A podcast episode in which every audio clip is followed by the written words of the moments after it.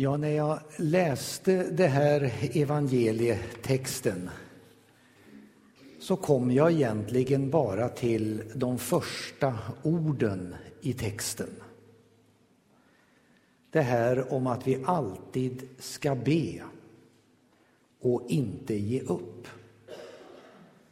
Så att mer blir det inte av predikan idag. Utan det blir detta. Därför att det innehåller så stor substans så att nu hinner vi inte med mer idag.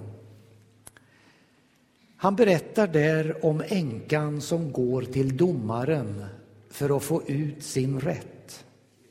Och den här domaren, han verkar vara en väldigt otrevlig typ. Han vägrar först. Men änkan är så envis så den här domaren, han ger till slut upp. Vad menas då med det här? Ja, syftet med den här liknelsen, det är inte att vi ska vara så ihärdiga inför Gud för att Gud till sist ska uppfylla våra böner på grund av vår ihärdighet. För vi, vi behöver inte besegra Gud, utan poängen är att Gud, han är inte så nonchalant som den här domaren, utan han är kärleksfull och han vill verkligen hjälpa. Vad innebär det då att alltid be och inte ge upp? Ja, jag tror att det inte handlar om att vi ska upprepa en mening eller bönestavelser i oändlighet för att Gud ska svara. Jag tror istället att det handlar om att ha bön som en livshållning. Att vara medveten om att man lever hela sitt liv inför Gud. Att ens liv, det är i Guds blick ständigt. Och att ge honom sin egen dag och förvänta att han hjälper. Bön, det är trons andning och det framförs på alla språk. Och det är en mänsklighet att få be. När vi är vända mot Gud så är det inte viktigt vad vi säger utan det viktiga det är att vi lever inför Guds ansikte. För när vi är inför hans ansikte då sker någonting med oss. Något som har gett mig en sån, vad ska vi säga, förhoppning och glädje. Det är när jag har levt tillsammans med människor inom AA-rörelsen. De som kämpar med olika missbruk. Därför där finns det ett par grundord som är jätteviktiga för dem. Det är mod, tillit och ärlighet.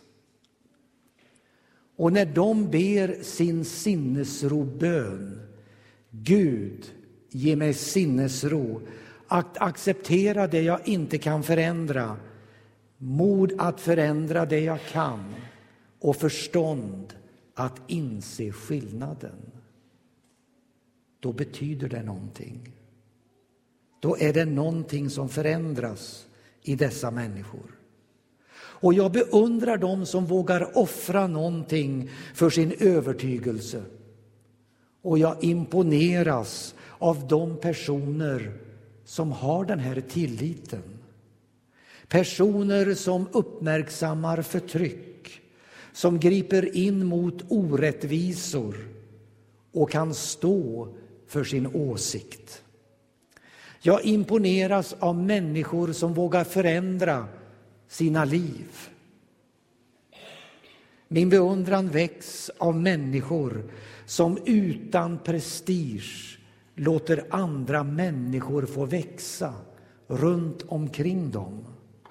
Av barn som är ärliga, av tonåringar som vågar gå sin egen väg och vuxna som vågar kämpa för det som de tror på. Mod, det handlar om tillit.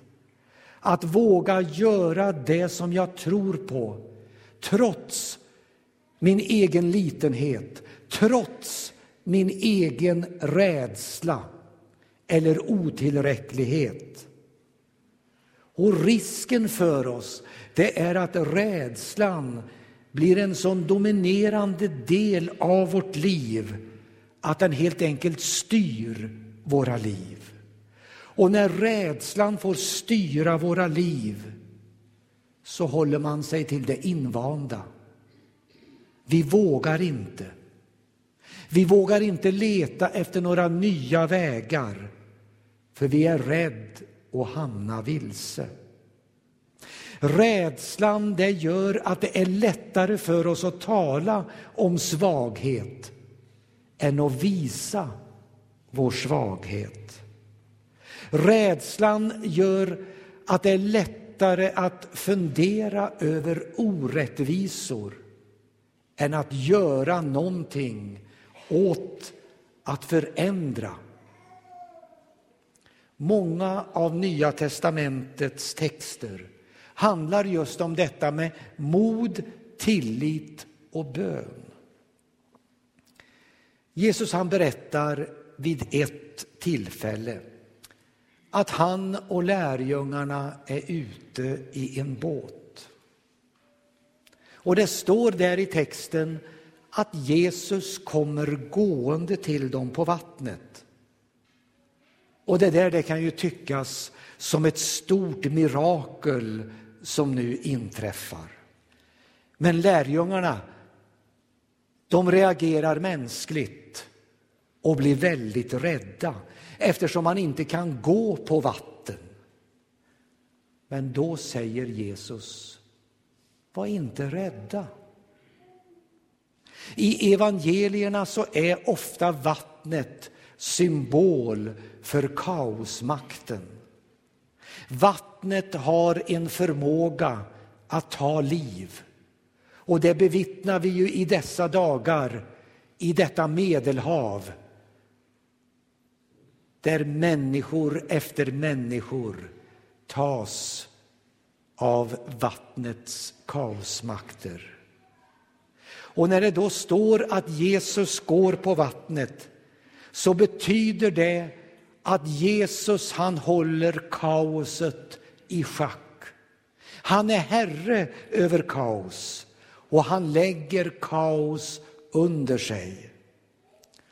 Och överfört på min situation eller på människans situation så betyder det att Jesus kommer gående mot mig.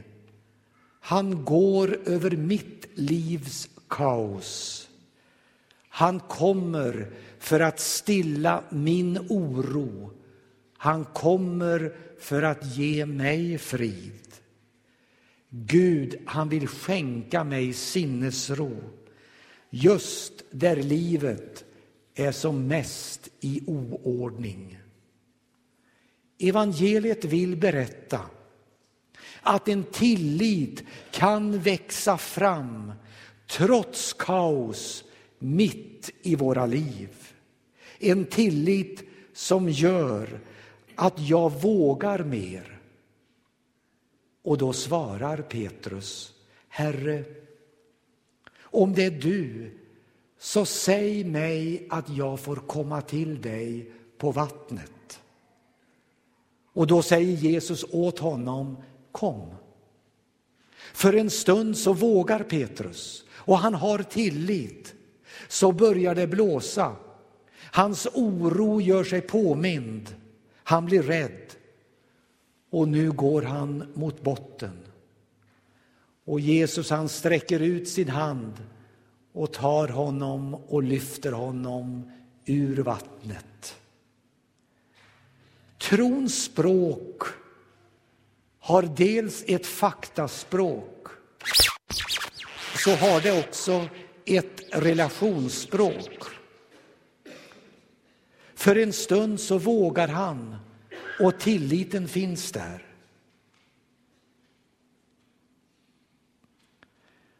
Och för att förstå det här så behöver jag ha tillgång till båda språken för att kunna hantera den här berättelsen.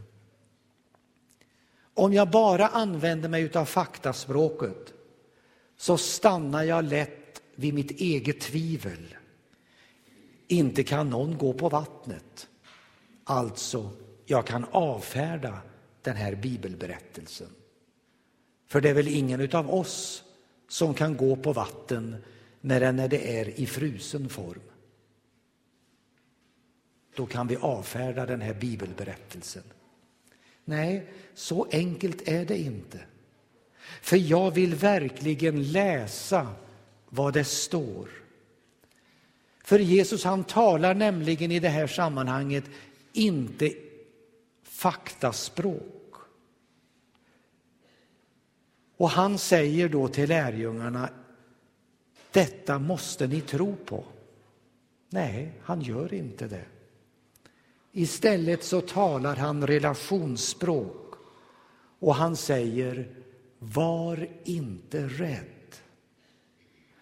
Och när vi vågar oss ut på relationsspråkets djupa vatten då upptäcker jag att både min rädsla och mitt behov av tillit mognar. När enbart hjärnan härskar, då hör jag inte vad Jesus säger. Men när hjärtat får vara med, då kan jag upptäcka att tilliten, den bär över rädslan. Ska vi be sinnesrobönen tillsammans? Och på så sätt överlämna oss till vår Herre. Gud, ge mig sinnesro att acceptera det jag inte kan förändra. Mod att förändra det jag kan och förstånd att inse skillnaden. Amen.